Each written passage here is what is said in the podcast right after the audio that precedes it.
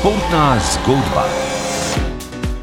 Že več kot 70 let je na športnem področju v tem obdobju v ospredju novoletna skakalna turneja.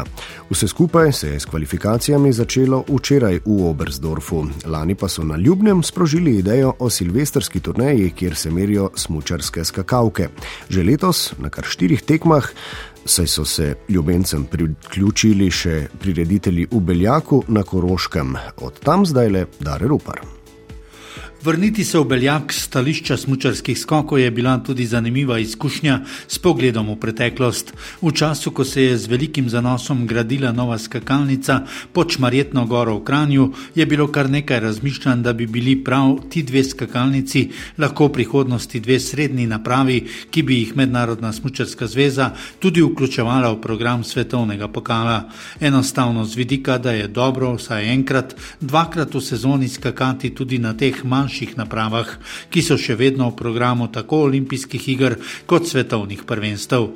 Naša domača naprava v Kranju je sicer nekaj večja po velikosti skakalnice kot tukajšnja pod Dobračem. Niti ena, niti druga pa v celoti svojega namena s prebojem v redni ali vsaj občasni koledar svetovnega pokala nista bili uspešni.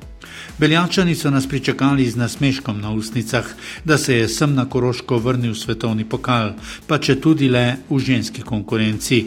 Idejo naših ljubencev, ki so bili vedno zaščitni znak ženskega skakanja na smočeh, so takoj podprli in prepričali tudi Avstrijsko smočarsko zvezo, da je to morda celo tržna niša, s katero bi se Beljak lahko vrnil v program svetovnega pokala za daljši čas. 15 let je namreč minilo, ko je moški svetovni pokal gostoval v tukajšnji alpski areni. In ko je dve zmagi pobral tukajšnji lokalni matador Tomas Morgenstern, ki se je ob bučnem spodbujanju včeraj tudi ogledal povratek svetovnega pokala v njegovo mesto, pa čeprav kot rečeno v ženski konkurenci. Osmič so v Beljaku izvedli tekmo svetovnega pokala, vseh sedem dosedanjih je bilo v moški konkurenci, enkrat so prevzeli tudi v Kranju odpovedano tekmo, Gorensko glavno mesto pa je tako ostalo brez močno želene tekme svetovnega pokala. Primoš Petrka je imel doslej na tej napravi ska točko zgolj 90 metrov, edino slovensko uvrstitev na zmagovalni odr. Včeraj se mu je na spodnji stopnički podesta priključila Nika Križnar. Ko se je tu na zadnje skakalo za točke svetovnega pokala, pa je bil v slovenskem taboru, takrat seveda moškem, obakrat najboljši je Jernej Damjan na petem in sedemnajstem mestu.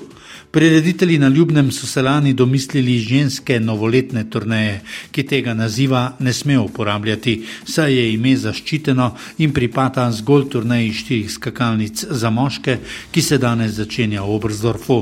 Slovenski zanesenjaki so v Beljaku hitro našli svoje somišljenike in v tej sezoni bodo zgolj v šestih dneh izpeljali program, za katerega je Mednarodna zveza moškim namenila deset dni. Če Beljačani niso imeli skoraj nobenih težav s pripravo skakalnic, pa se za tekmo z naravo močno borijo na ljubnem. In čeprav se sliši stereotipno, bodo tudi na ljubnem očitno rešili svoje dve tekmi.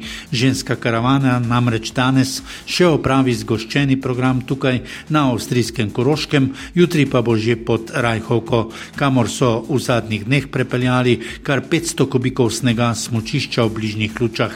In ljubno bo letos znova z gledalci. Prepričan sem, da s precej več grli, kot jih je bilo vsaj včeraj zaznati v Alpski areni v Beljaku.